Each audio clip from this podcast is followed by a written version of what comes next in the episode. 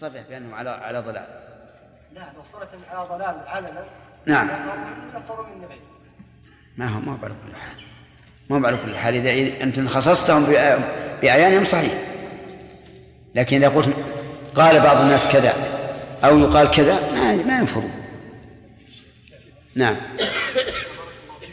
ما حكم وصف موسى عليه السلام بالعصبية لهذه المواقف؟ نعم. أولا غضب وإلقاء وإلقاء للألواح. أي نعم. هذا مو معنى الآن. إلا في القصة ذكر هذه؟ في سورة البقرة وبعض الأسباب. لكن في هذه اللي إحنا نقرأ الآن؟ نعم منها ما هو موجود في الأسباب الآتية طيب. نعم. غضب وإلقاء للألواح. نعم.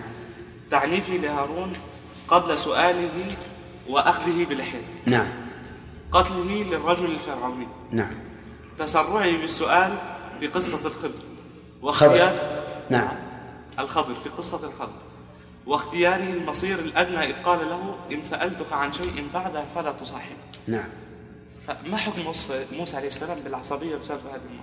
ن- نقول ال- الذي يصف وصفه بالعصبية هل أنت تخبر مجرد خبر؟ فلا تعرض المسألة على هذا الصفة. بل قل إن إن موسى عليه الصلاة والسلام عنده غيرة وعنده قوة وما أشبه ذلك من الوصف الذي تجعله مدحا لا قدحا وأما إذا أردت القدح فيه فالقدح فيه كفر. كفر مخرج عن الملة. فمثل موسى عليه الصلاة والسلام مشهور بأنه قوي وشديد. ولهذا لما جاءه ملك الموت ليقبض روحه لطمه حتى فقع عينه. فهو معروف بالشدة. أما أن نقول إنه معروف بالحمق والتسرع وما أشبه ذلك فما يجوز أبدا ما يجوز. ثم له من الحسنات العظيمة ما يطغى على مثل هذا. والإنسان ال- الشديد ربما يقع منه هذا الشيء. نعم. أن ننظر إلى نيته. فيحاسب يعني والله نرى أنه أساء الأدب لا شك. هذا على طول. أما كونه قادح أو غير قادح عفى الله عن بنيته لكن لا شك أنه أساء الأدب نعم. أحسن الله إليك. أشكل عليه قول قولنا بأن الرجلين الرجلين الذين قال أخبار قومهما بكيفية الدخول على هؤلاء أصحاب القرية. وقول موسى قال إن ربي إني لا أملك إلا نفسي. شيخ فلماذا لم يستثنيهما معه؟ ماذا قلنا يا أخوان؟ نعم. قلنا إما أن هذا بناء على الأغلب أو أنه لم يطلع أو أنه ما أراد هذا من أصله وأما لا أملك إلا نفسي وأخي فهو وإن كان الرجلان قد نصحا ما يدري هل يملك. ما يملك الملك التام والسيطرة التامة إلا على أخيه نعم البراء بن مالك رضي الله عنه ذكرناها. وذكرنا في صور صور الحديث. نعم. يستدل بعض الشيخ بهذه القصة أو بهذه القصة على جواز العمليات الانتحارية. فما الجواب عن هذا الايران بارك الله الأعمال الانتحارية بارك الله فيك. هل هي موت محقق؟ أسألك. موت محقق. هل قصة البراء بن مالك موت محقق؟ إذن ما ما فيها دليل سقط في في ارض العدو لكن فيه مثلا واحد في الألف إنه ينجو والمنتحر. ها؟ فيه ألفين إنه يموت. فرق عظيم. فرق عظيم. نعم.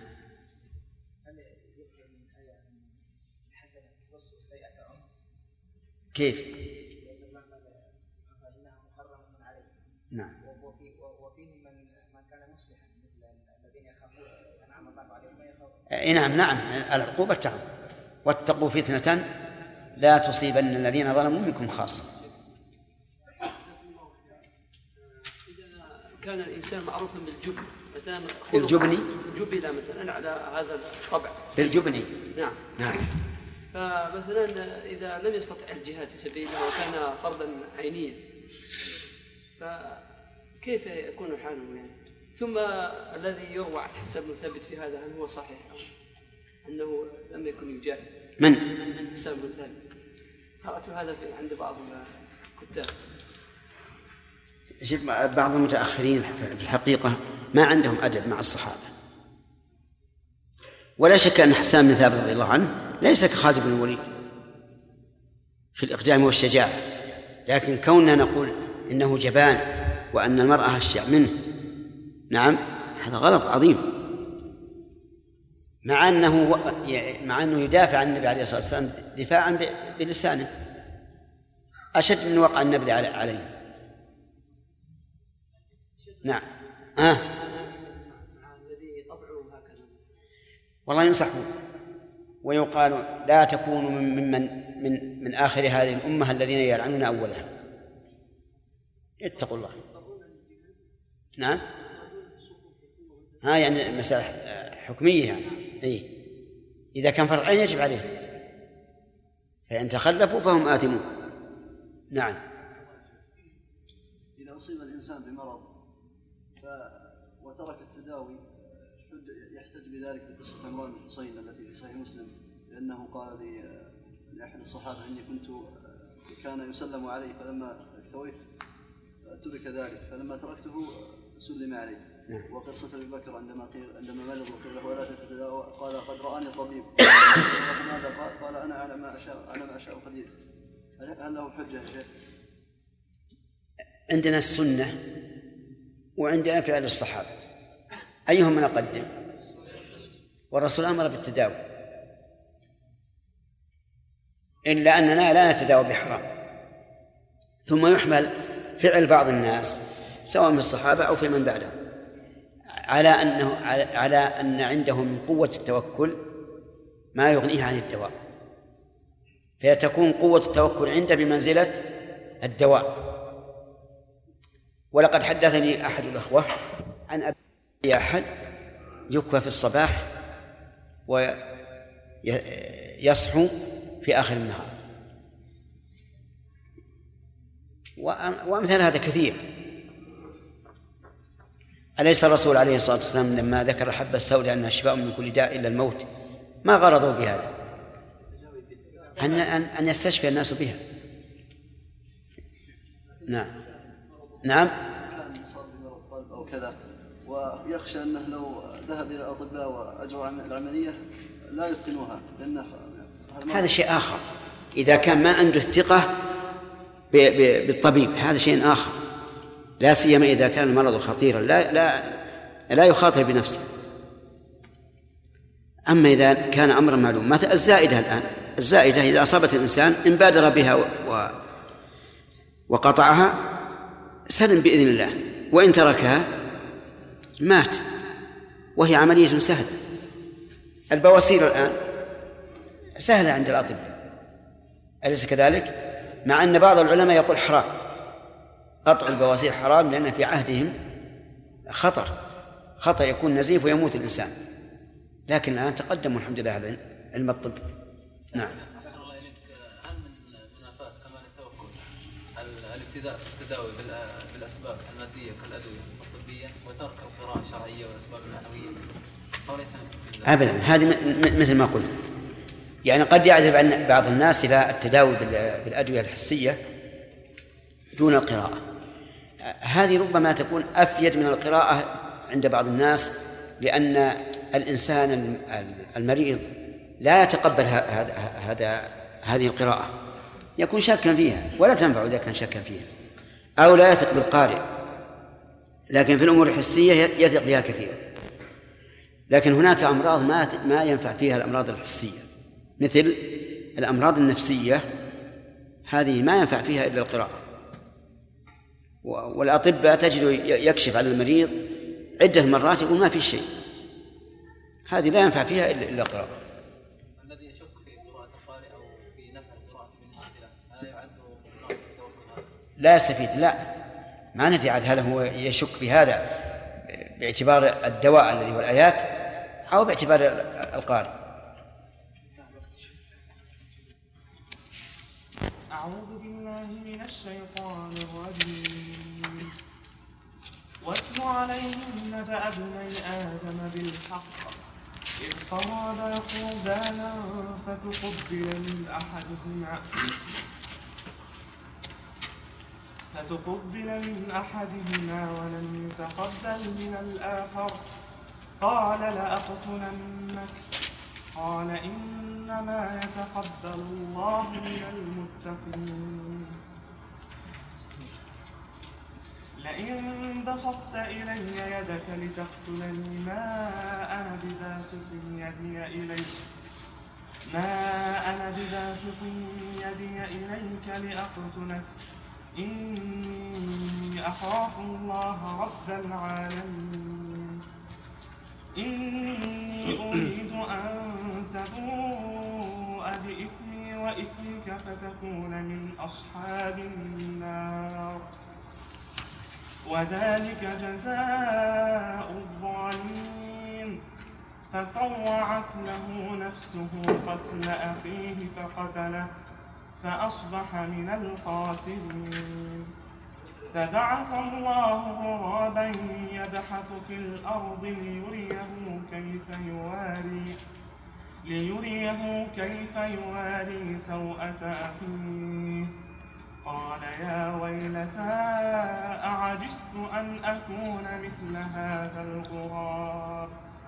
أعجزت أن أكون مثل هذا الغراب فأواري سوءة أخي فأصبح من النادمين. من أجل ذلك كتبنا على بني إسرائيل أنه أنه من قتل نفسا بغير نفس أو فساد في الأرض فكأنما قتل الناس جميعا ومن أحياها فكأنما أحيا الناس جميعا ولقد جاءتهم رسلنا بالبينات ثم إن كثيرا منهم من بعد ذلك ثم في ثم الأرض. إن ثم إن كثيرا منهم بعد ذلك في الأرض لمسرفون. كفاية. أخذنا فوائد سبق أعوذ بالله من الشيطان الرجيم. قال الله تعالى واتل عليهم نبأ بني آدم بالحق إذ قربا قربانا إلى آخره وسيكون إن شاء الله ابتداء الدراسة هنا يعني كالعادة أظن السبت البلوغ والأحد الفقه والاثنين البلوغ والثلاثاء الفقه والأربعاء تفسير والخميس مسلم والبخاري. والجمعة تفسير. قال الله تبارك وتعالى واتل عليهم نبأ ابني آدم بالحق. الخطاب للنبي صلى الله عليه وعلى آله وسلم وأمره سبحانه وتعالى أن يتلو عليهم هذا النبأ لأهميته. وإلا فمن المعلوم أن جميع القرآن قد أمر النبي صلى الله عليه وسلم أن يبلغه وأن ويبين لهم القرآن لفظا ومعنى. كما قال الله تعالى وأنزلنا عليك الكتاب لتبين, لتبين للناس ما نزل إليهم. وقول النبأ خبر. وقيل إن النبأ إنما يكون في الأمر الهام. والخبر يكون في الهام وغيره. وقوله ابني نبأ ابني آدم. هذان ابنان لصلبه وإلا فجميع البشر بنو آدم لكن هذين ابنان لصلبه أحدهما اسمه هابيل والثاني اسمه قابيل. وقوله بالحق أي بالصدق الثابت واعلم أن الحق يوصف به الخبر ويوصف به الحكم فإن كان الخبر فهو الصدق. وإن كان الحكم فهو العدل كما قال الله تعالى وتمت كلمة ربك صدقا وعدلا فقول بالحق يعني بالصدق الثابت الذي لا مرية فيه ولا اختلاف.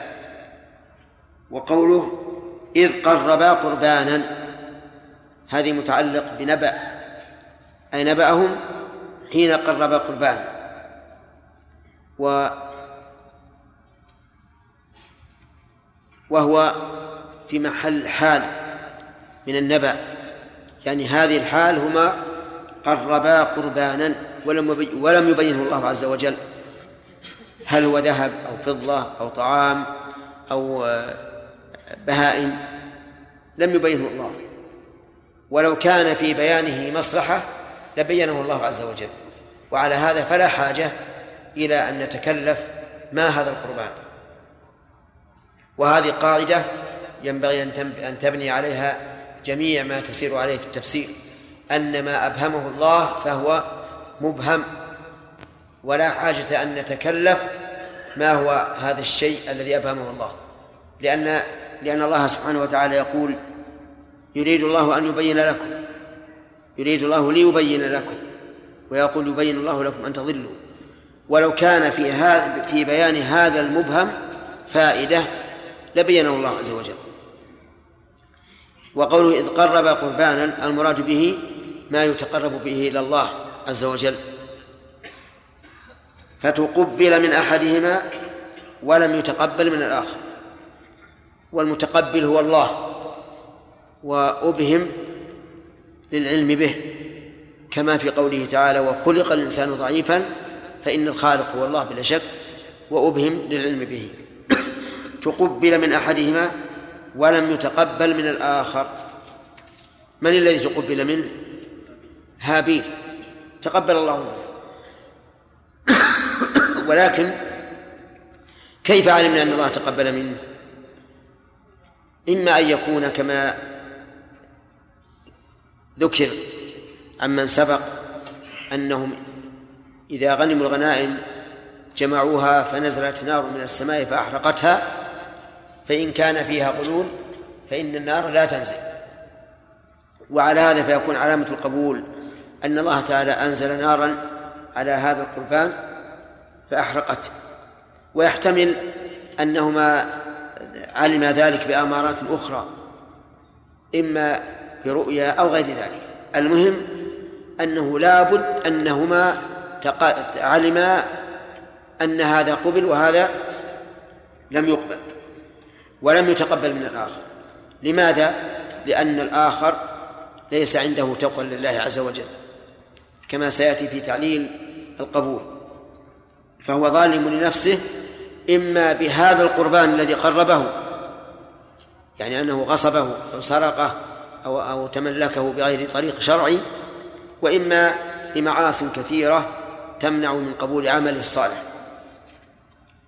ولم يتقبل من الآخر قال لأقتلنك.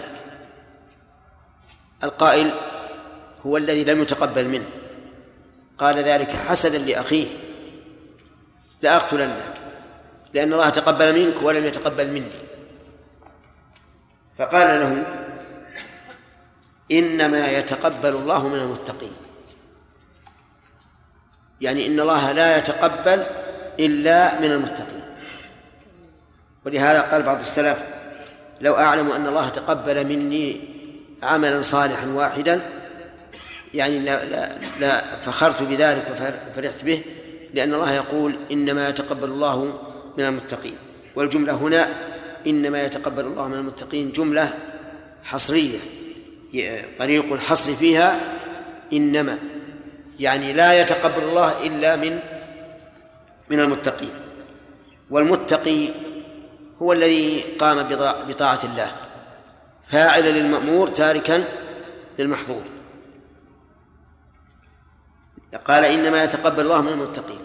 وإنما قال ذلك لا افتخارا بتقواه ولا إعجابا بنفسه ولكن حثا لأخيه على أن يكون من المتقين. وبيانا على وبيانا لأن الله سبحانه وتعالى إنما يتقبل لحكمة ويمنع لحكمة. في هذا في هذه الآية فوائد. منها أهمية هذه القصة. ووجهه أن الله أمر نبيه صلى الله عليه وعلى آله وسلم أن يتلوها على الأمة أمرا خاصا. لقوله واتل عليهم نبأ, ابن آدم. ومنها أنه ينبغي لنا أن نعرف أخبار من سبق. لا سيما فيما فيما فيه مصلحة. لأن الله إنما أمر بأن يتلوها علينا رسول الله صلى الله عليه وسلم من أجل أن نعلم بها ونأخذ منها العبر. وكلما كان الشيء أشد كان الاهتمام به أقوى. فمثلا ينبغي لنا بل يتأكد أو يجب علينا أن نعرف سيرة النبي صلى الله عليه وسلم. من منذ ولد إلى أن توفي ولا سيما سيرته بعد أن أكرمه الله تعالى بالرسالة. حتى نعرف أحواله وأخلاقه وعباداته ودعوته وأعماله وأخلاقه حتى يتم لنا التأسي به. ولا شك أن معرفة معرفة سيرة النبي صلى الله عليه وعلى آله وسلم مما تزيد الإنسان إيمانا ومحبة له وتقوي التأسي به عليه الصلاة والسلام.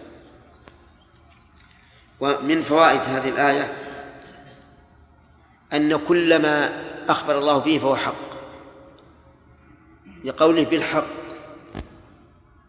ولا يقال إن هذا قيد وأنه قد يكون ما, يتلوه النبي عليه الصلاة والسلام غير حق بل هذا بيان للواقع. فإن جميع ما أخبر الله به فهو حق.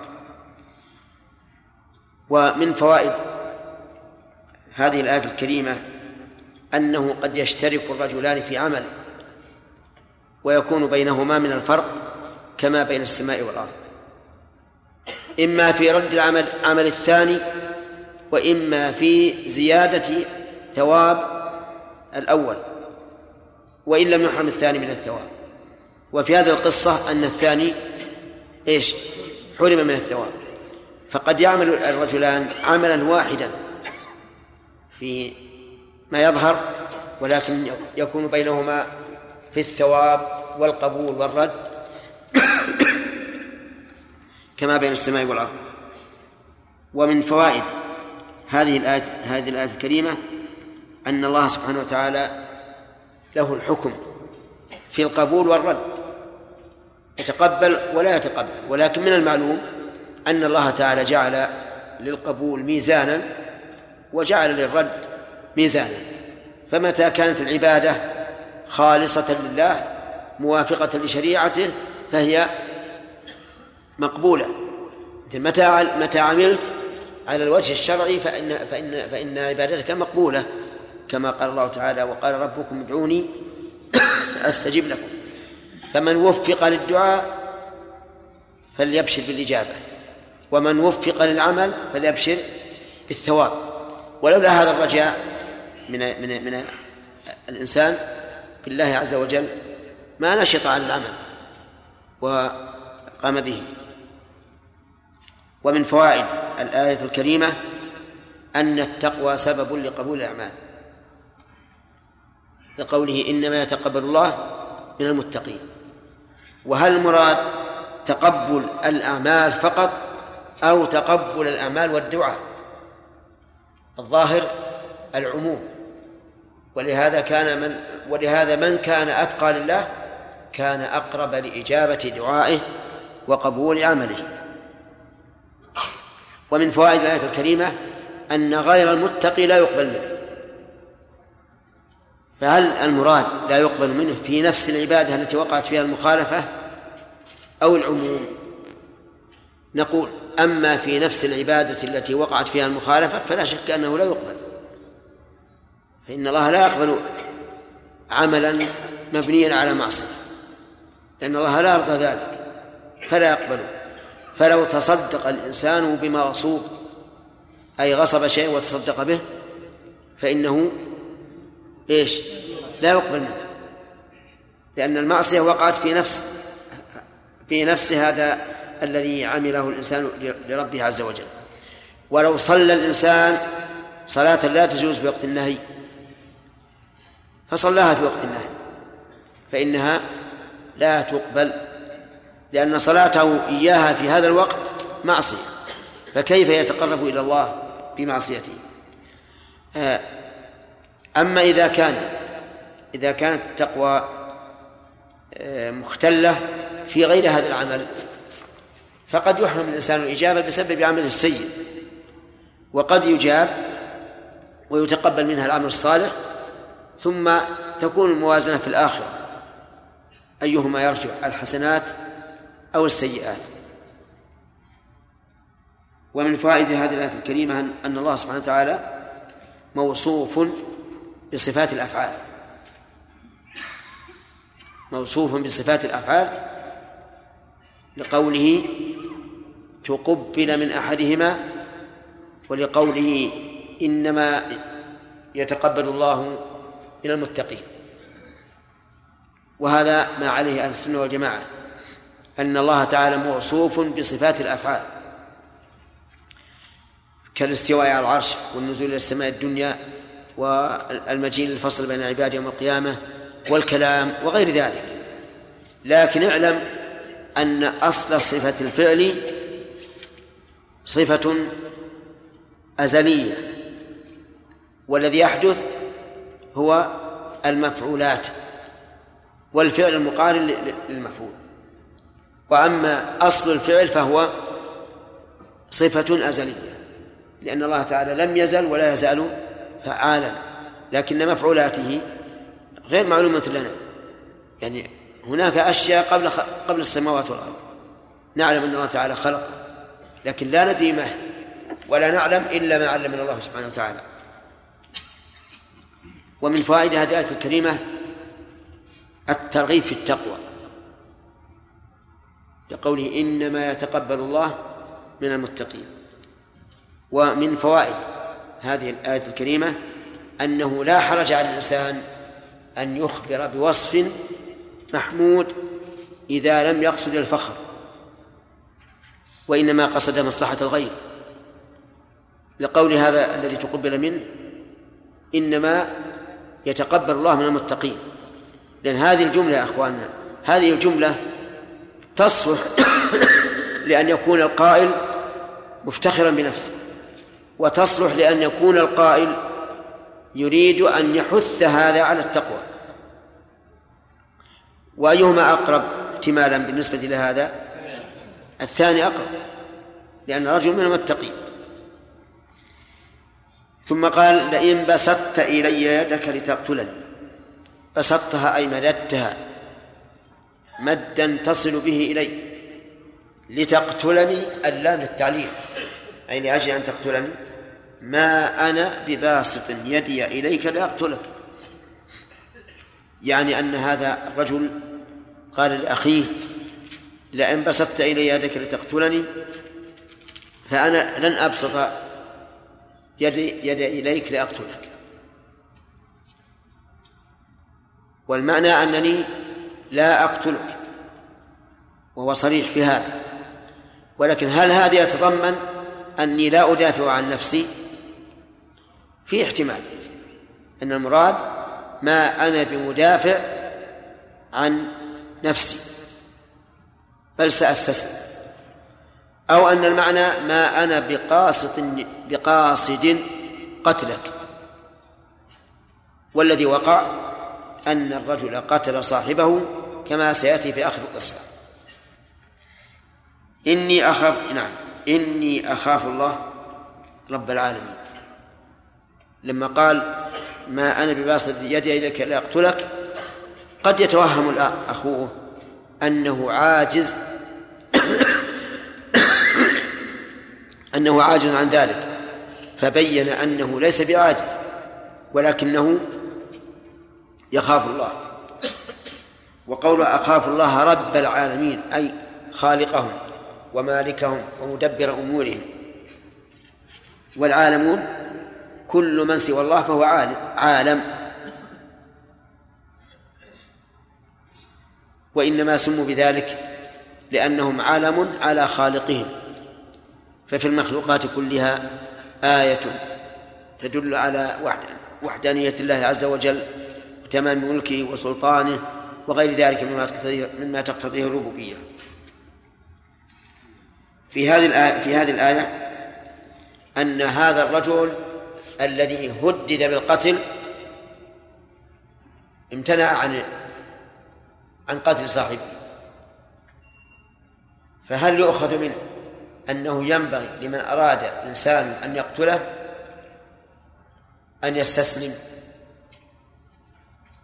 يحتمل هذا وهذا يعني قلنا إنه يحتمل أنه يقول ما أنا بباسط اليد إليك لا أقتلك وأما المدافعة فسأدافع. ولكن مدافعة لا تصل إلى القتل. على كل حال سواء كان هذا الاحتمال هو المراد أو الأول فإن شريعتنا وردت بخلاف ذلك. فإن النبي صلى الله عليه وسلم أمر من أراده على نفسه أن يقاتله ومن أراده على ماله أن يقاتله ومن أراده على أهله أن يقاتله. وبين أن القاتل المدافع إذا قتل فهو شهيد وأن الآخر الصائل إذا قتل فهو في النار لأنه أراد قتل صاحبه. طيب.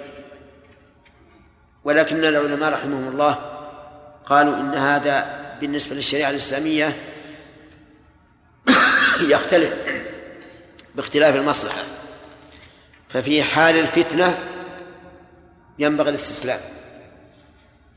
وفي حال الأمن تجب المدافعة. وهذا هو الصحيح. لأنه في حال الفتنة ربما يترتب على القتل بالمدافعة يترتب إراقة دماء كثيرة. ولهذا استسلم عثمان رضي الله عنه للقتلة وطلب منه أن وطالب منه الصحابة أن يدافعوا عنه فأبى لأنهم لو دافعوا اشتبكوا بهؤلاء الخوارج ثم حصل حصلت حصل إراقة دماء كثيرة. وهذا هو الأصح أن يقال إن الإنسان يجب عليه أن يدافع بقدر ما يستطيع ولو أدى إلى قتل صاحبه. إذا لم يندفع إلا بالقتل إلا في حال الفتنة التي يترتب على المدافع بالقتل ما هو أكثر ضررا فهنا يجب الاستسلام درءا للمفسدة. ومن فوائد هذه الآية الكريمة أن الإنسان ينبغي له إذا امتنع عن شيء محرم أن يبين لصاحبه أنه إنما امتنع لا عجزا ولا خوفا. ولكن للمعنى الذي من أجله امتنع وذلك في قوله ما أنا بباسط يدي إليك لأقتلك إني أخاف الله رب العالمين. ونظير هذا أن النبي صلى الله عليه وعلى آله وسلم في الصائم قال في الصائم إن امرؤ قاتله أو شاتمه فليقل إيش؟ إني صائم. ليبين أنه لم يقابله عجزا ولا ضعفا ولكن لأجل الصيام الذي ينهى فيه الإنسان عن المقاتلة والمسافة ومن فوائد هذه الآية الكريمة أن الخوف من الله هو أقوى الأسباب الرادعة عن معصيته لقوله ما أنا بباسط يدي لك لأقتلك إني أخاف الله رب العالمين. ولا شك في هذا أن الخوف هو أقوى يعني من الله هو أقوى الأسباب الرادعة عن المخالفة. كما أن الرجاء هو أقوى الأسباب الموجبة للطاعة والرغبة فيما عند الله. ومن فوائد هذه الآية الكريمة إثبات عموم ربوبية الله عز وجل. قوله رب العالمين.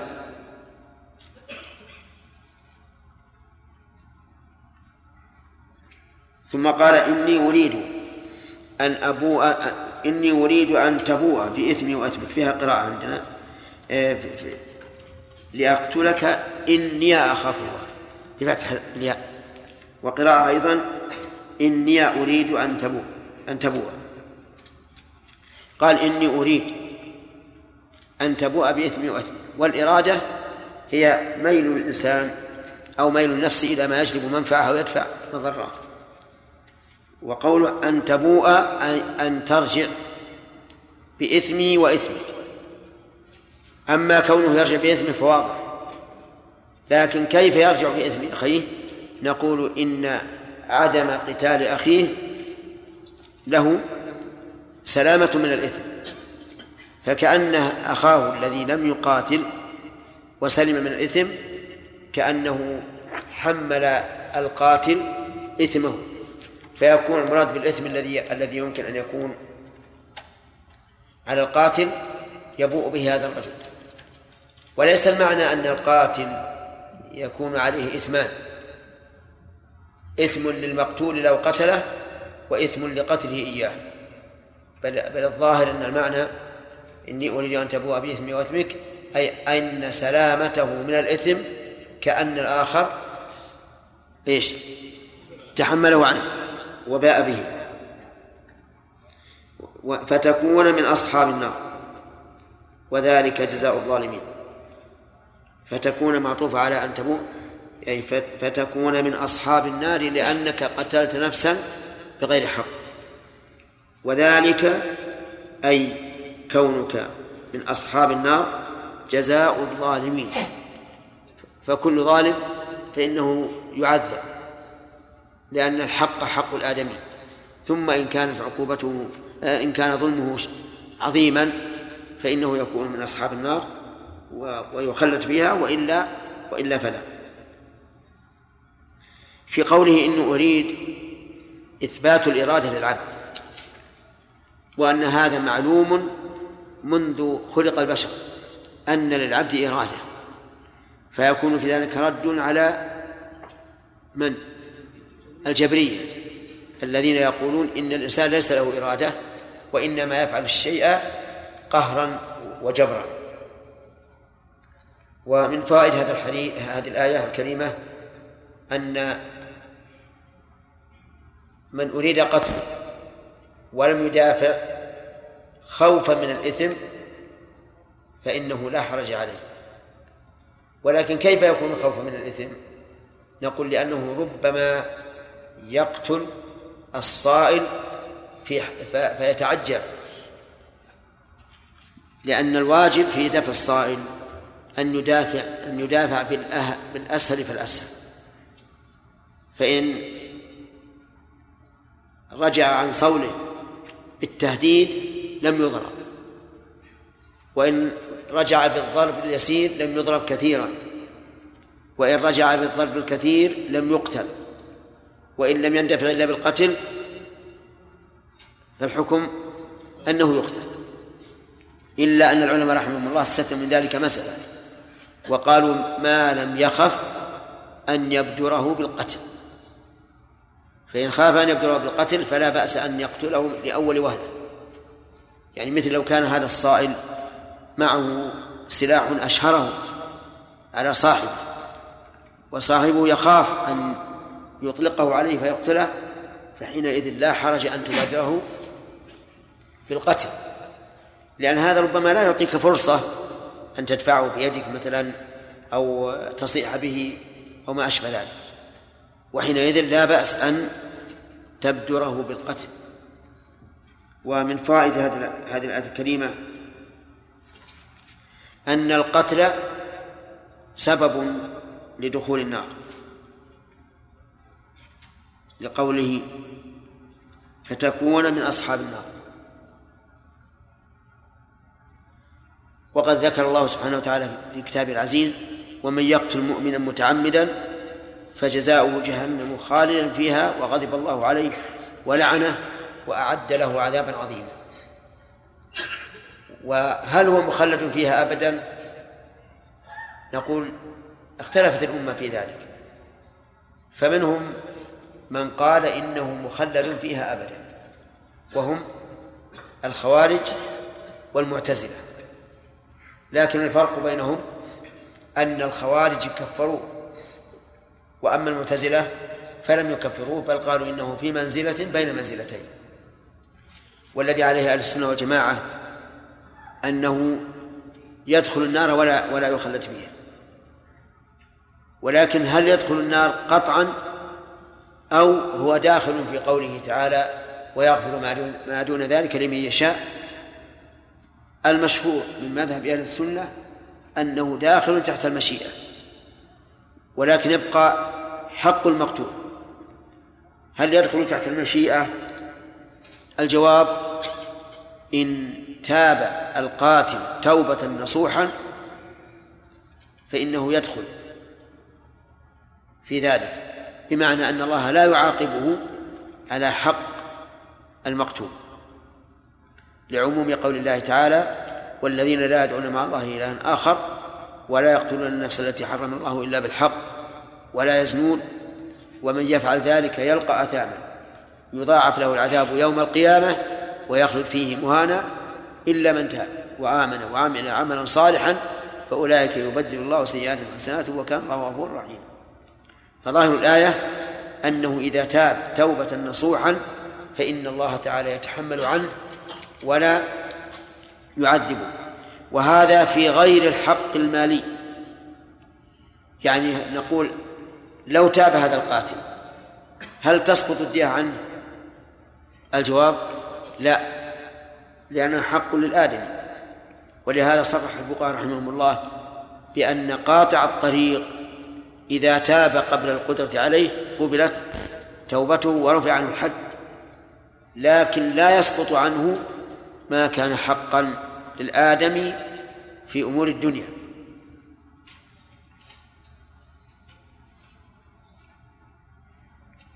إذن نقول القاتل إذا تاب ما الحكم؟ يتوب يتوب الله عليه حتى في حق المقتول فلا يعاقب على القتل لعموم قوله تعالى والذين إيش؟ لا لا يدعون مع الله الآخر إلى إلى قوله إلا من تاب. وأما إذا مات غير تائب فحق المقتول لا بد أن يؤخذ منه. وحق الله داخل تحت المشيئة فالقاتل غير مضمون له أن أن ينجو من النار بل هو تحت مشيئة الله. إن شاء الله غفر له وإن شاء لم يغفر له.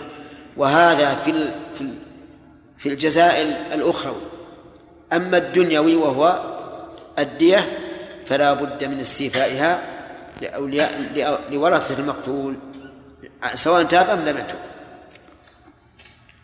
ومن فوائد هذه الآية الكريمة أن الظلم من أسباب دخول النار. سواء كان الظلم في حق الله أو في حق المخلوق لقوله فتكون من أصحاب النار وذلك جزاء الظالمين. ويحتمل أن يقال الظالمين هنا عام أريد به الخاص وهو من ظلم مثل هذا الظلم وهو قتل النفس. لأن الظالم قد لا يستحق دخول النار. ولكن الأول أصح لعموم الآية ولأن كل ظالم فجزاؤه دخول النار.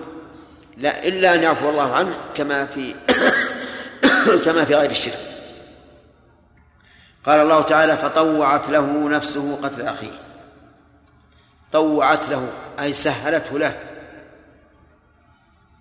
أن يقتل أخاه مع أن أخاه وعظه هذه الموعظة لكن والعياذ بالله لم تنفعه طوعت له أي للقاتل نفسه نفسه قتل أخيه فقتله. لأن نفسه سهلت عليه القتل فأصبح من الخاسرين أي فصار من الخاسرين. وإنما قلنا أصبح أي صار لأن الأصل في معنى الإصباح أن يكون في أول النهار لكن قد يعبر بالإصباح على مجرد الصيرورة مثل ما تقول فلان أصبح حزينا على هذه المصيبة وربما كانت أصابته في وسط النهار. من فوائد هذه الآية الكريمة الحذر من النفس الأمارة بالسوء لأنها قد تطوع الإنسان أكبر المعاصي. فيجب على الإنسان أن يكون حازما بالنسبة لنفسه ويقظا فلا يتبعها فيما فيما تطوعه له من معاصي الله. ومن فوائد الآية الكريمة أن قتل النفس لا يخرج من الإيمان. لقوله فطوعت له نفسه قتل أخيه. والله تعالى وصفه بالأخوة بعد أن بين أنه قتله. وإلا فقد يقول قائل إنه قبل أن يقتله لا يترتب عليه إثم القاتل وإن سحلته نفسه له. فتبقى الأخوة. لكن الله تعالى ذكر الأخوة بعد أن تم القتل. ويدل لهذا قول الله تبارك وتعالى قولا صريحا يا أيها الذين آمنوا كتب عليكم القصاص في القتلى. الحر بالحر والعبد بالعبد والأنثى بالأنثى فمن عفي له من أخيه شيء فاتباع بالمعروف وأداء إليه بإحسان. طيب وقتال المؤمن؟ يوجب الكفر؟ يخرج من الإيمان والأخوة لا. لقول الله تعالى وإن طائفتان من المؤمنين اقتتلوا فأصلحوا بينهما فإن بغت إحداهما عن الأخرى فقاتلوا بالتي تبغي حتى تفيء إلى أمر الله. فإن فاءت فأصلحوا بينهما بالعدل وأقسطوا. إن الله يحب المقسطين. إنما المؤمنون إخوة فأصلحوا بين أخوين. وبهذا التقرير نعرف أن الكفر في الكتاب والسنة قد يراد به الكفر الأصغر. قد يراد به الكفر الأصغر. دليل ذلك قول النبي صلى الله عليه وسلم سباب المسلم فسوق وقتاله كفر. وفي الآية الكريمة أن القتال لم يخرج الطائفتين المقتتلتين من أخوة الإيمان. وهذا دليل على أنه لا على أن قاتل المقاتل لا يكفر. وبه يعرف الرد على قول بعض الناس إن كل كفر أطلقه الله فالأصل فيها الكفر المخرج عن الملة إلا بدليل. والحقيقة أن الأمر بالعكس أن كل كفر أطلقه الله فهو كفر دون كفر إلا بدليل يدل على أنه كفر أكبر ومن فوائد هذه الآية الكريمة أن هذا الرجل الذي قتل أخاه وظن أنه ربح الميدان بحيث لم لم يكن له منافس صار من إيش؟ من الخاسرين فيستفاد منه أن كل إنسان حسد أخاه وحاول أن يحول بينه وبين التوفيق فإن الخسارة ستعود على هذا الحاسد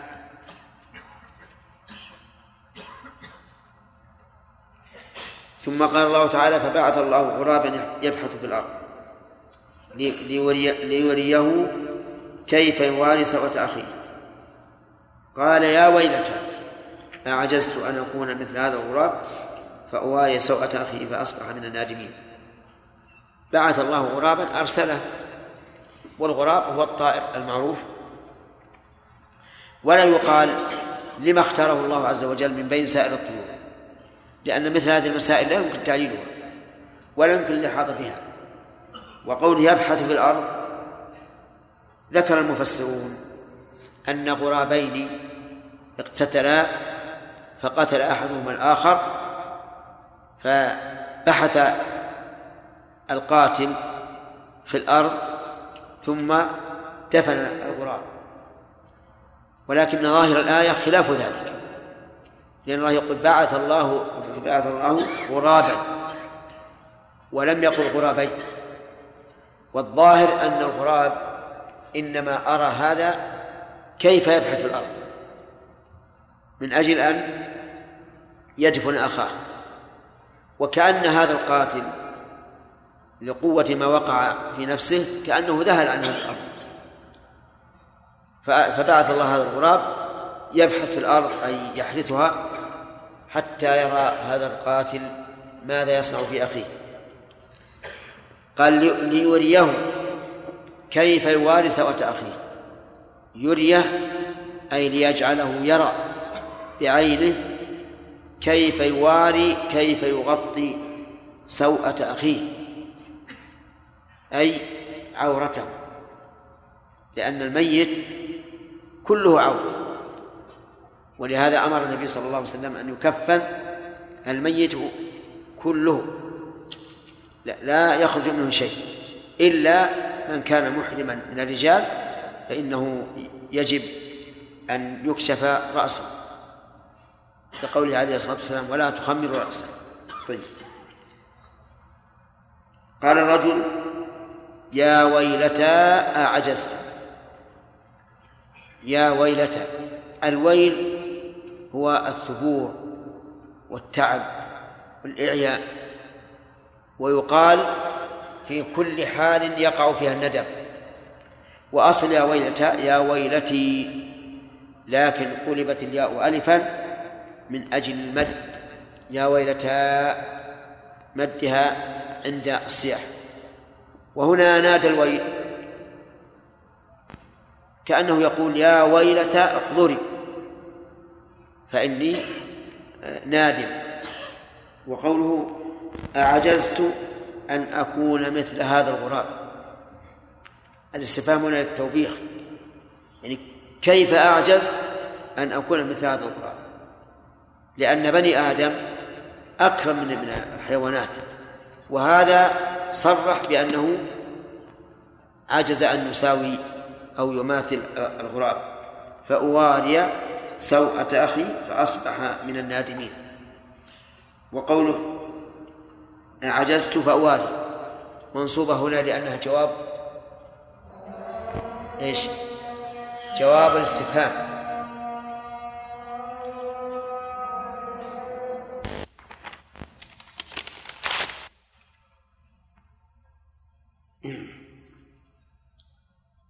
من يتلو القرآن؟ من؟ شراب. إيه طيب. أعوذ بالله من الشيطان الرجيم. من أجل ذلك كتبنا على بني إسرائيل أنه من قتل نفسا بغير نفس أو فساد في الأرض فكأنما قتل الناس جميعا.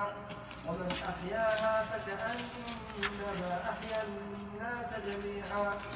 ولقد جاءتهم رسلنا بالبينات ثم إن كثيرا منهم بعد ذلك في الأرض لمسرفون أعوذ بالله من الشيطان الرجيم. أظن أننا لم نتكلم على فوائد الآية التي قبلها. ها؟ واتل عليهم ما تكلمنا على فوائد تكلمنا ها؟ تكلمنا الفوائد إلى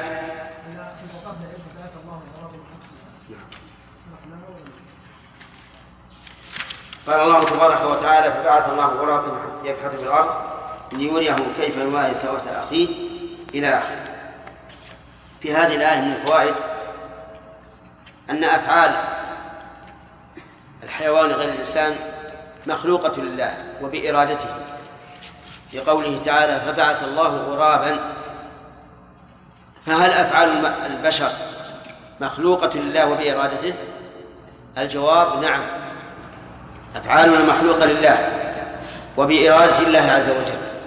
هذا ما عليه أهل السنة والجماعة خلافا للقدرية المعتزلة الذين يقولون إن الإنسان مستقل بعمله. ولكن مع ذلك نقول إن فعل الإنسان يقع باختياره وإرادته. فللإنسان اختيار وإرادة. خلافا لمن؟ خلافا للجبرية الذين قالوا إن الإنسان ليس له إرادة ولا اختيار. أهل السنة والجماعة وفقهم الله عز وجل للأخذ بالنصوص من جميع الجوانب. والمعتزلة أخذوا بنصوص والجهمية والجبرية الجهمية أخذوا بنصوص. فصاروا ينظرون إلى النصوص نظر الأعمى النظر الأعور الذي ينظر بعين واحدة. أما أهل السنة والحمد لله جعلنا الله وإياكم منهم فإنهم ينظرون إلى النصوص بالعينين جميعا. من فوائد هذه الآية الكريمة أن الحيوانات قد تكون مرشدة للبشر. كما في هذه القصة. فالغراب أرشد ابن آدم إلى إيش؟ إلى أن يحفر لأخيه ويدفنه. وصارت سنة البشر. إلى يومنا هذا إلا من ضل عن الصراط المستقيم كالذين يحرقون موتاهم ويذرونه في اليم وما أشبه ذلك. وإلا فهذا بقي سنة البشر إلى اليوم. وهل الميزة في شيء معين يقتضي التفضيل المطلق؟ الجواب لا. وهذه قاعدة ينبغي, أن نعرفها. أنه إذا امتاز شيء أحد بشيء فإنه لا يقتضي التمييز المطلق عليه. ومن ذلك ما ثبت عن النبي عليه الصلاة والسلام أنه يكون في آخر الزمان. أيام الصبر للعامل فيهن أجر خمسين من الصحابة. فهل يقال إن هؤلاء الذين يكونون في هذه الأيام أفضل من الصحابة على سبيل الإطلاق؟ لا.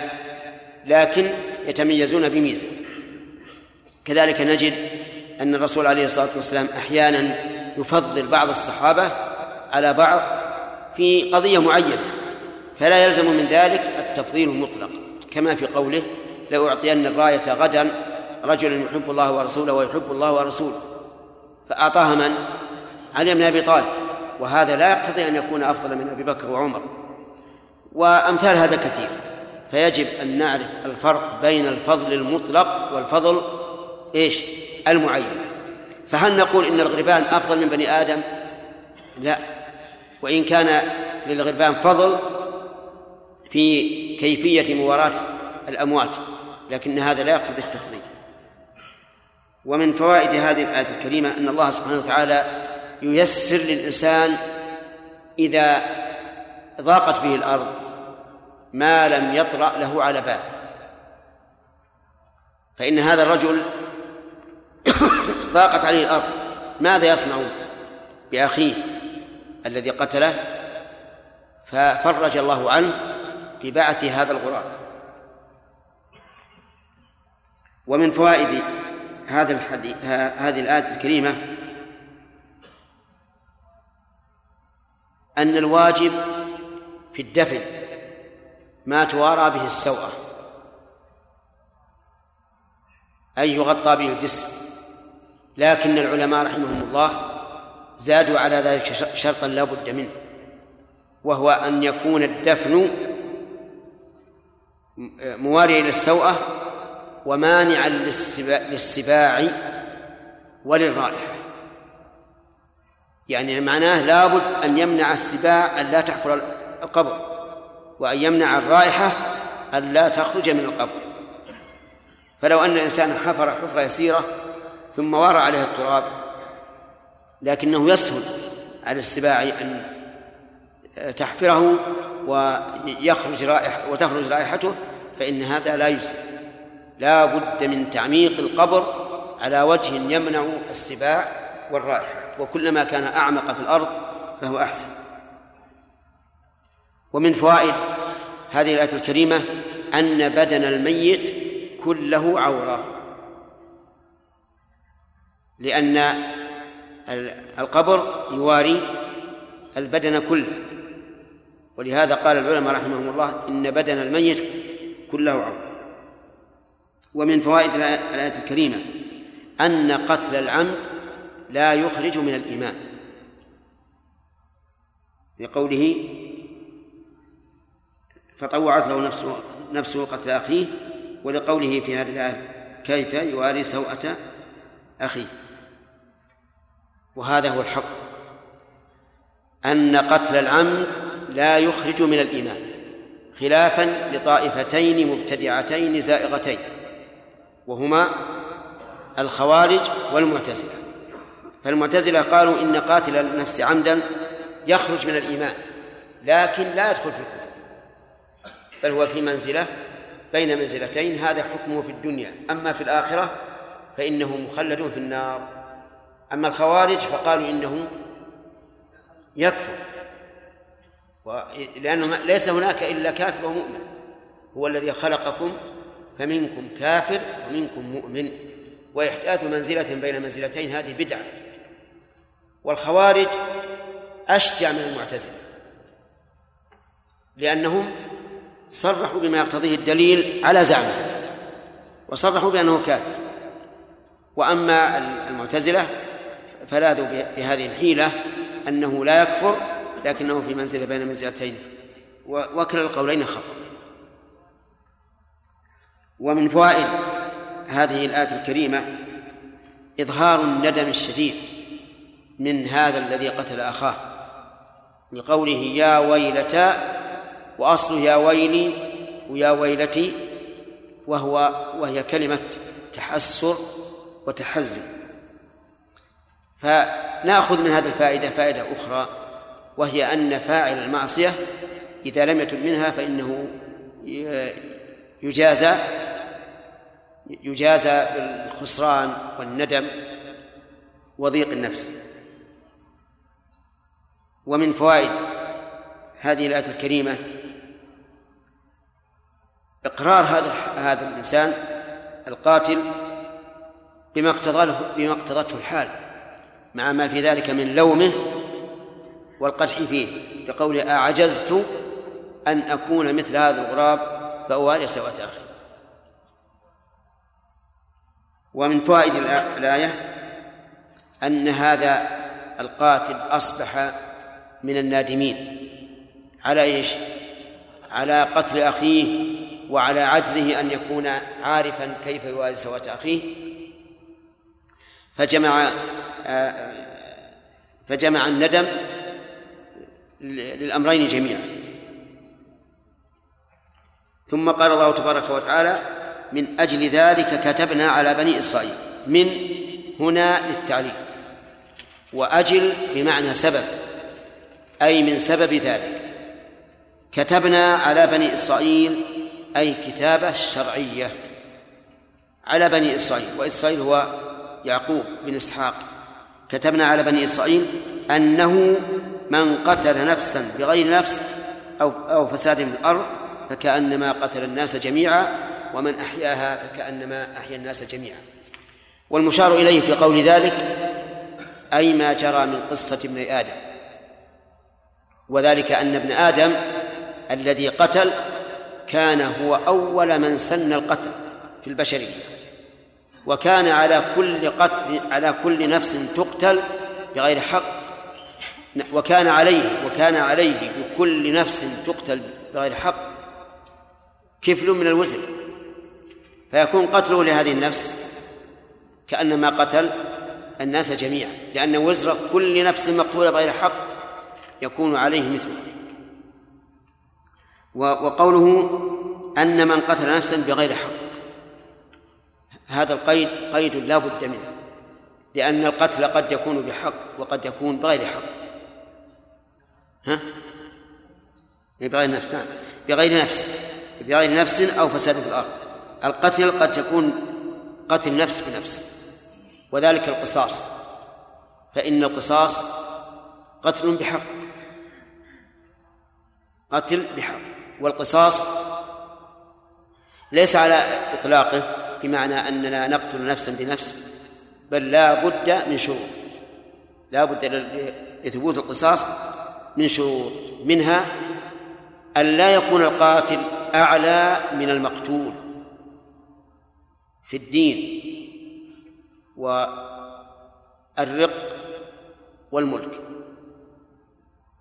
هذا هذا شرط لا بد منه. أن لا يكون القاتل أعلى من المقتول في هذه الأمور الثلاثة الدين والحرية وإن شئت قل الرق والملك فإن كان أعلى منه فإنه لا يقتص منه. مثاله كافر قتله مسلم. هذا لا يمكن أن يقتل لأنه أعلى منه. القاتل أعلى من المقتول. وقد ثبت عن النبي صلى الله عليه وسلم أنه لا يقتل مسلم بكافر. مثال الحرية والرق أن يقتل شخص حر رقيق رجل آخر. هذا أيضا لا يقتل. لماذا؟ لأن هذا حر وهذا عبد فالقاتل أعلى فلا يقتل به. الملك مثل أن يكون للمكاتب عبد مملوك اشترى عبدا مملوكا يتجر به ثم قتله. فهنا كلاهما عبد لأن المكاتب عبد ما بقي عليه درهم. فهل يقتل هذا المكاتب بهذا بهذا الرقيق؟ الجواب لا لأنه مالك كلاهما عبد لكن هذا مالك. لا بد من قيود نذكرها إن شاء الله عند الفوائد يعني بقية الشروط نذكرها عند الفوائد. قوله بغير نفس أو فساد في الأرض. والله تبارك وتعالى أطلق الفساد. والمراد بالفساد الفساد الذي تعم مفسدته. لا الفساد الخاص فلو أن شخصا أحرق دكان آخر. هذا فساد لكنه لا يقتل بذلك. لكن مراد الفساد العام. مثاله قطاع الطريق كما سيأتي.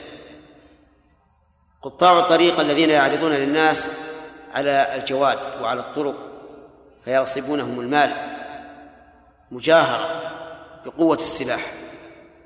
هؤلاء لا شك أنهم مفسدون في الأرض. ومن ذلك عندك كثير من العلماء شارب الخمر. إذا جلد ثم جلد ثم جلد ولم ينتهي فإنه يقتل. ومن ذلك اللصوص الصائلون. المهم أن الفساد العام هذا يقتل صاحبه لأنه أفسد في الأرض. فكأنما قتل الناس جميعا. كأنما قتل الناس جميعا وهو لم يقتل إلا واحد. وكأن هنا التشبيه. فكيف فما وجه الشبه؟ قيل إن هذا في المستحل لقتل النفس. بغير نفس أو فساد في الأرض. والمستحيل لقتل نفس محرمة كأنما قتل جميع الناس. لأن المراد الجنس. كما قلنا في الذي يكذب رسولا هو مكذب لجميع الرسل.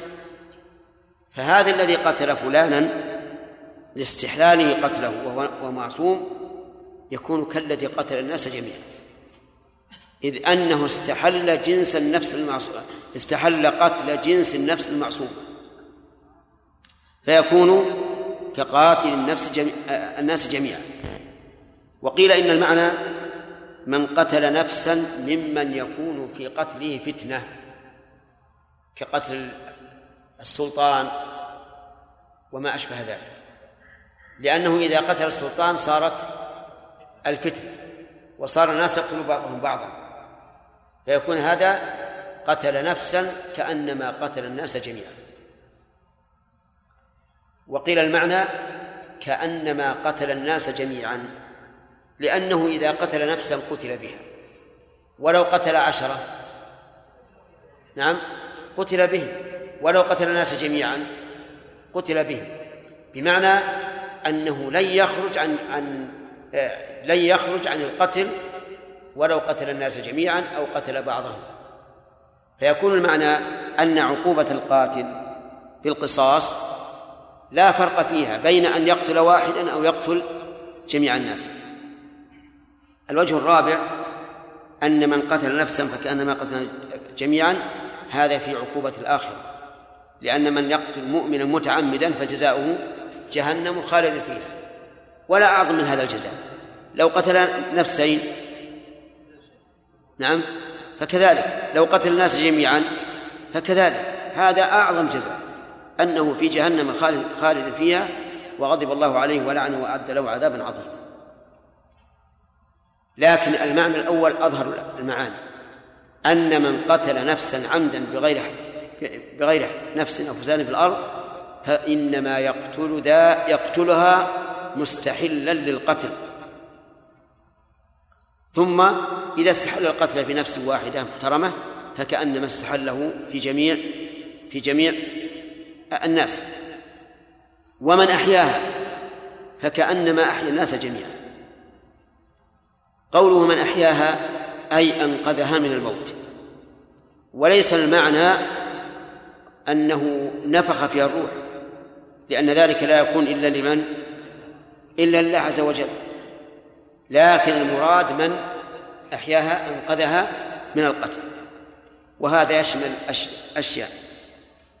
أولا لو هم الإنسان بقتل شخص وطوعت له نفسه قتل أخيه ثم استيقظ ورأى أن ذلك حرام ثم كف عن هذا القتل.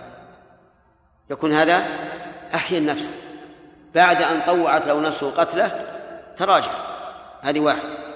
ثانيا الدفع دفع الصائل. ثانيا دفع الصائل الذي يريد أن يقتل شخصا. فيدفعه. ويكون هنا أحيا نفسه أنقذها من القتل. ثالثا يعني من المعاني أن يقع شخص في هلكة. كحريق أو غرق أو هدم فيأتي شخص آخر فينقذه. فهذا أحيا النفس أليس كذلك؟ أحيا نفسه. يكون كالذي أحيا الناس جميعا. في أي شيء؟ في, في الثواب الذي يثاب عليه أو في حسن نيته بإنقاذ هذه النفس المعصومة. فيكون كأنه أنقذ الناس جميعا لأن طويته حسنة ونيته نية الرحمة. فإذا رحم واحدا من من الخلق كأنما رحم الناس جميعا. وقوله على بني إسرائيل. لماذا خص بني إسرائيل؟ خص بني إسرائيل لأنهم أكثر الناس قتلا في الأنبياء وفي قتل الذين يأمرون بالقسط من الناس. فخصهم بذلك لكثرة العدوان فيهم. فإذا قال قائل وهل أيضا كثرة الإحياء موجودة فيهم؟ قلنا لا لكن قد يذكر الشيء مع, مع مقابله لتمام التقسيم. نعم. ثم قال ولقد جاءتهم رسلنا بالبينات. ولقد جاءتهم. الجملة هنا مؤكدة باللام. وقد وقسم مقدر. وهذه الصيغة لها آه، أمثلة كثيرة في القرآن. فنقول في مثل هذا التركيب إنه مؤكد بكم؟ ثلاث مؤكدات. القسم المدلول عليه باللام واللام وقد نعم. ولقد جاءتهم رسلنا بالبينات. رسلنا الذين أرسلهم الله عز وجل. فأضاف الرسل إليه لأنه الذي أرسلهم. وربما نقول وتشريفا لهم. لأن الرسول يشرف بشرف مرسله. فالله سبحانه وتعالى شرفهم بإضافة رسالتهم إليه جل وعلا. وقد تأتي الرسالة مضافة إلى المرسل إليه. جاءتهم رسلهم بالبينات. ولا ولا مضادة أو ولا تناقض بينهما فهم رسل الله لأنه ورسل إلى الخلق لأنهم بلغوهم رسالة الله عز وجل. وقوله بالبينات هذه موصوف هذه صفة لموصوف محذوف. التقدير بالآيات البينات بالآيات البينات أي الواضحات الظاهرات التي لا يأتي بها إلا رسول من عند الله.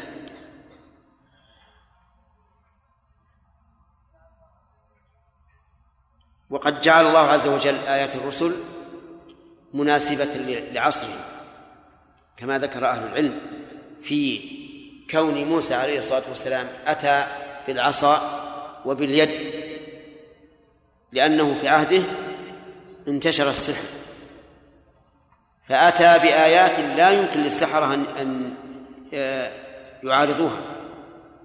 وعيسى عليه الصلاة والسلام أتى في زمن ترقى فيه الطب. فأتى بآيات لا يمكن للطب أن يعارض هذه الآيات وهي إحياء الموتى إخراجهم من القبور إبراء الأكمة والأبرص. ومحمد صلى الله عليه وسلم بعث في قوم قويت فيه البلاغة وانتشرت وصاروا يتفخرون فيها. فجعل الله أعظم آياته عليه الصلاة والسلام بهذا القرآن الكريم. الذي لا يمكن للبشر أن يأتوا بمثله بل ولا, ولا الجن. قل لئن اجتمعت الإنس والجن على أن يأتوا بمثل هذا القرآن. لا يأتون بمثله ولو كان بعضهم لبعض ظهيرا نعم. بالبينات. ثم يعني بعد هذه البينات الواضحات التي أتت على مهل. بعد ذلك إن كثيرا منهم بعد ذلك بعد ذلك في الأرض لمسرفون. هنا يقول ثم إن كثيرا منهم بعد ذلك أي بعد إتيان الآيات آه، بعد إتيان الرسل بالآيات البينات الواضحات يكون كثير منهم مسرفون. مسرفين في الأرض. وهنا نسأل عن إعراب مسرفون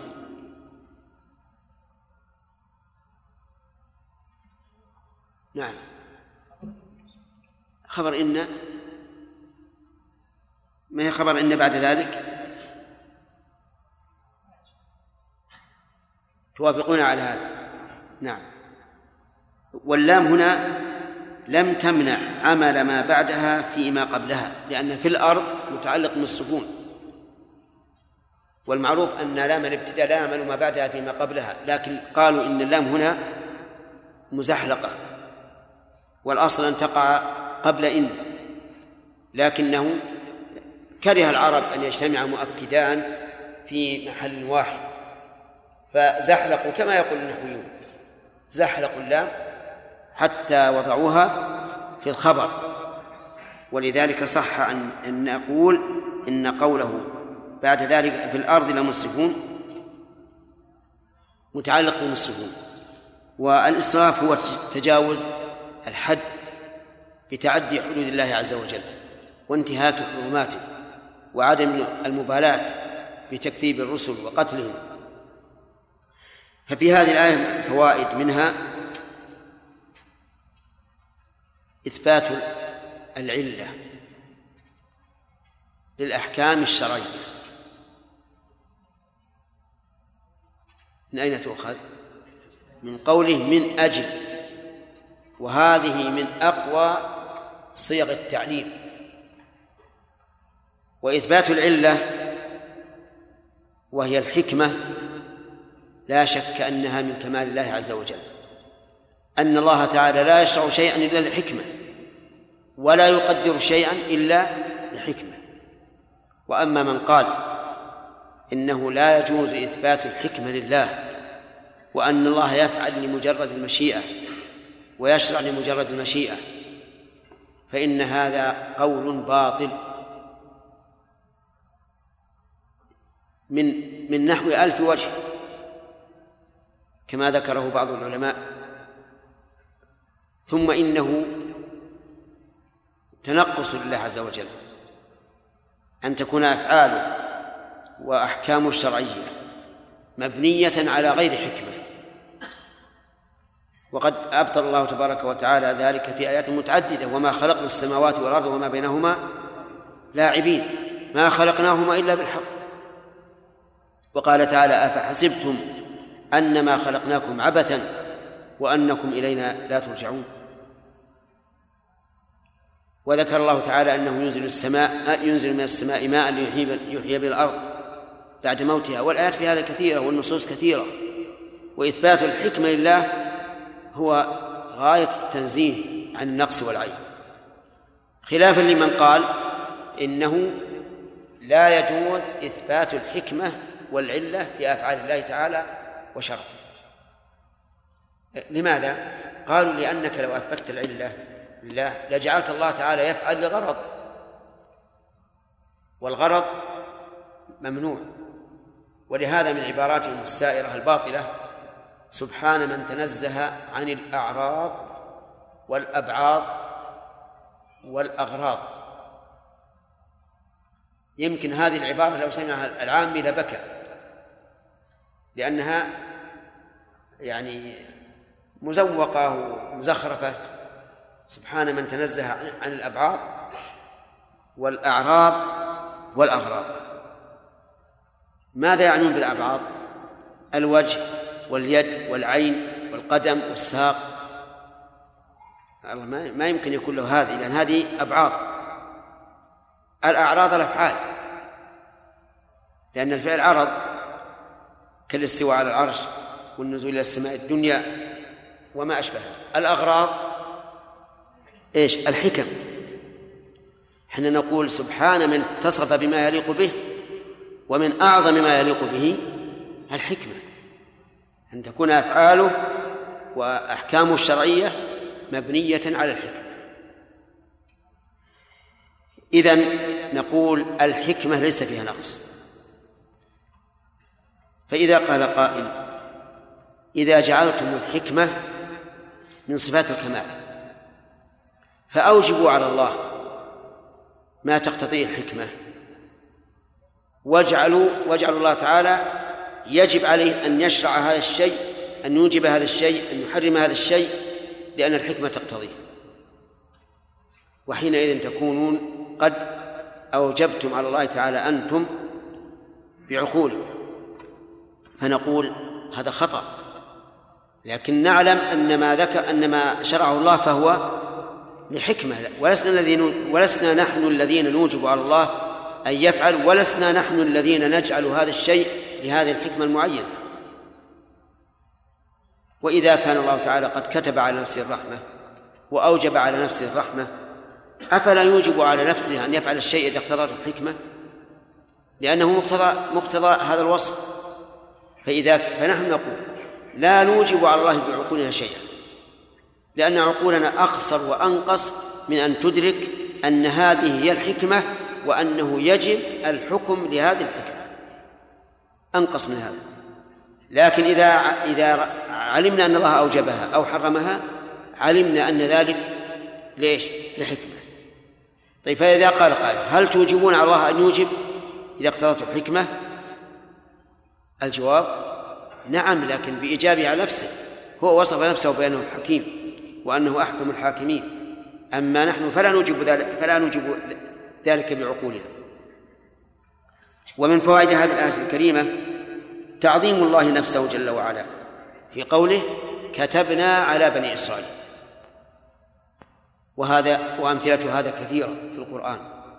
وقد استدل النصارى بهذه يعني بهذه العبارة وهي إضافة الشيء إلى الله تعالى بنون بنون التعظيم أو آه، بضمير الجمع استدلوا على باطلهم بأن الله ثالث ثلاثة. ولا غرابة في ذلك أن الذين في قلوبهم زيغ يتبعون المتشابه. أما نحن فنقول إن إن الله تعالى قال وإلهكم إله واحد لا إله إلا هو الرحمن الرحيم. ويقول الله تبارك وتعالى لعيسى بن مريم أأنت قلت للناس اتخذوني وأمي إلهين من دون الله؟ قال سبحانك ما يكون لي أن أقول ما ليس بحق. ما ليس لي بحق. إن كنت قلته فقد علمته. تعلم ما في نفسي ولا أعلم ما في نفسك إنك أنت علام الغيوب.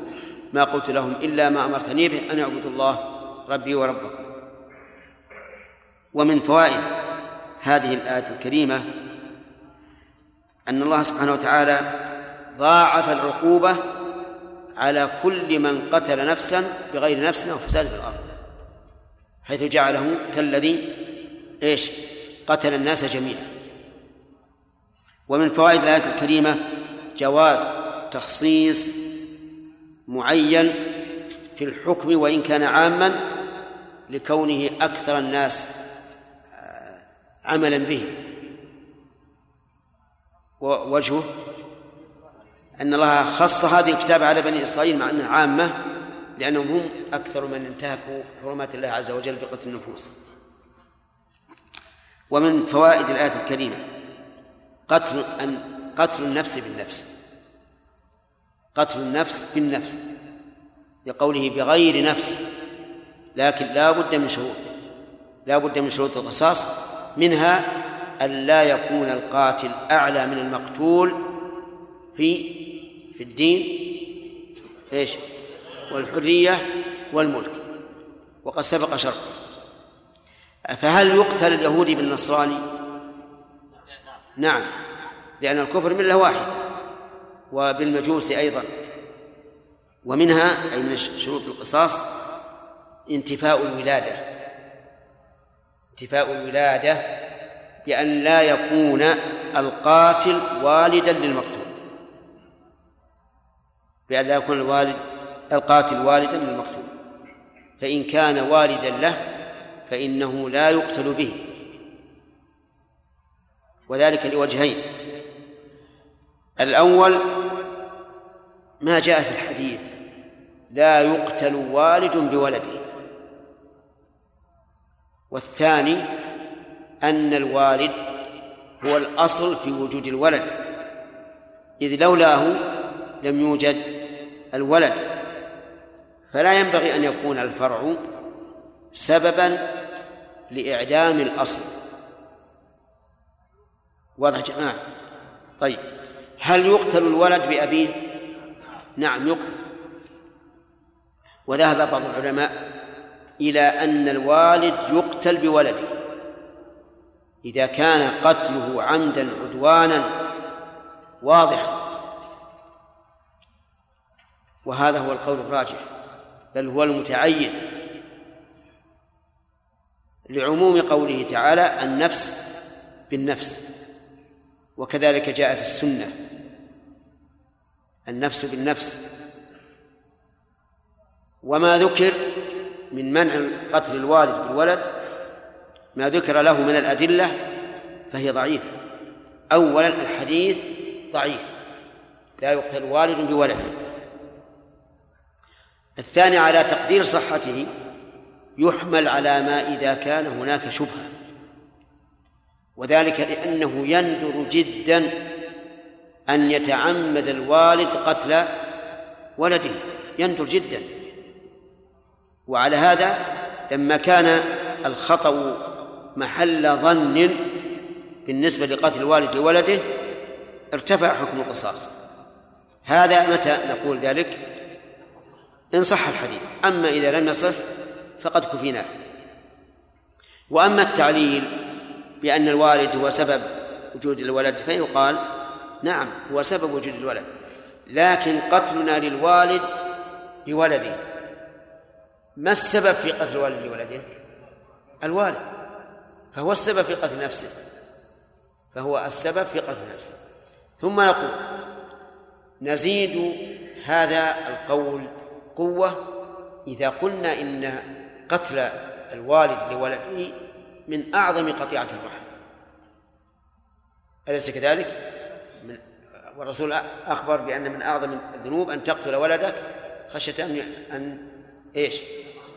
أن يأكل معك فهذا من أعظم الذنوب فكيف نجازي هذا الوالد بأن نرفع عنه القتل فالصواب بلا شك أن الوالد يقتل لولده سواء كان الوالد هو الأم أو الأب. لكن إذا تحقق العمد الشرط الثالث أن نعلم أن أنه عمد. فإن كان شبه عمد بأن ضربه بآلة لا تقتل غالبا فإننا لا نقتله. حتى لو مات بها فلو ضربه بعصا صوت مثلا.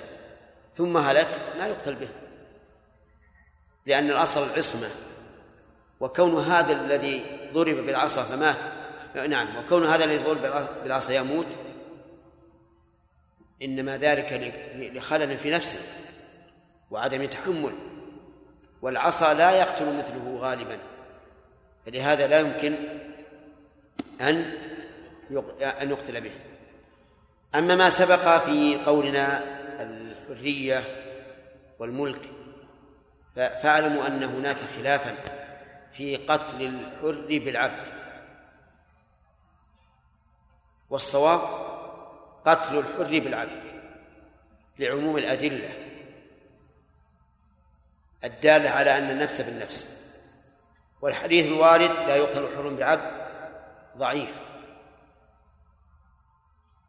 وقد جاء في حديث سمرة عن الحسن أن النبي صلى الله عليه وسلم آه، في حديث الحسن عن سمرة أن النبي صلى الله عليه وسلم قال من قتل عبده قتلناه. فإذا كان الإنسان يقتل بعبده وهو ملكه فقتله بعبد غيره من باب أولى. فالصواب أنه يقتل الحر بالعبد والمالك بالمملوك لكن بشرط أن يكون القتل عمدا عدوانا واضحا. من فوائد الآية الكريمة أن الفساد في الأرض مبيح لقتل النفس بقوله أو فساد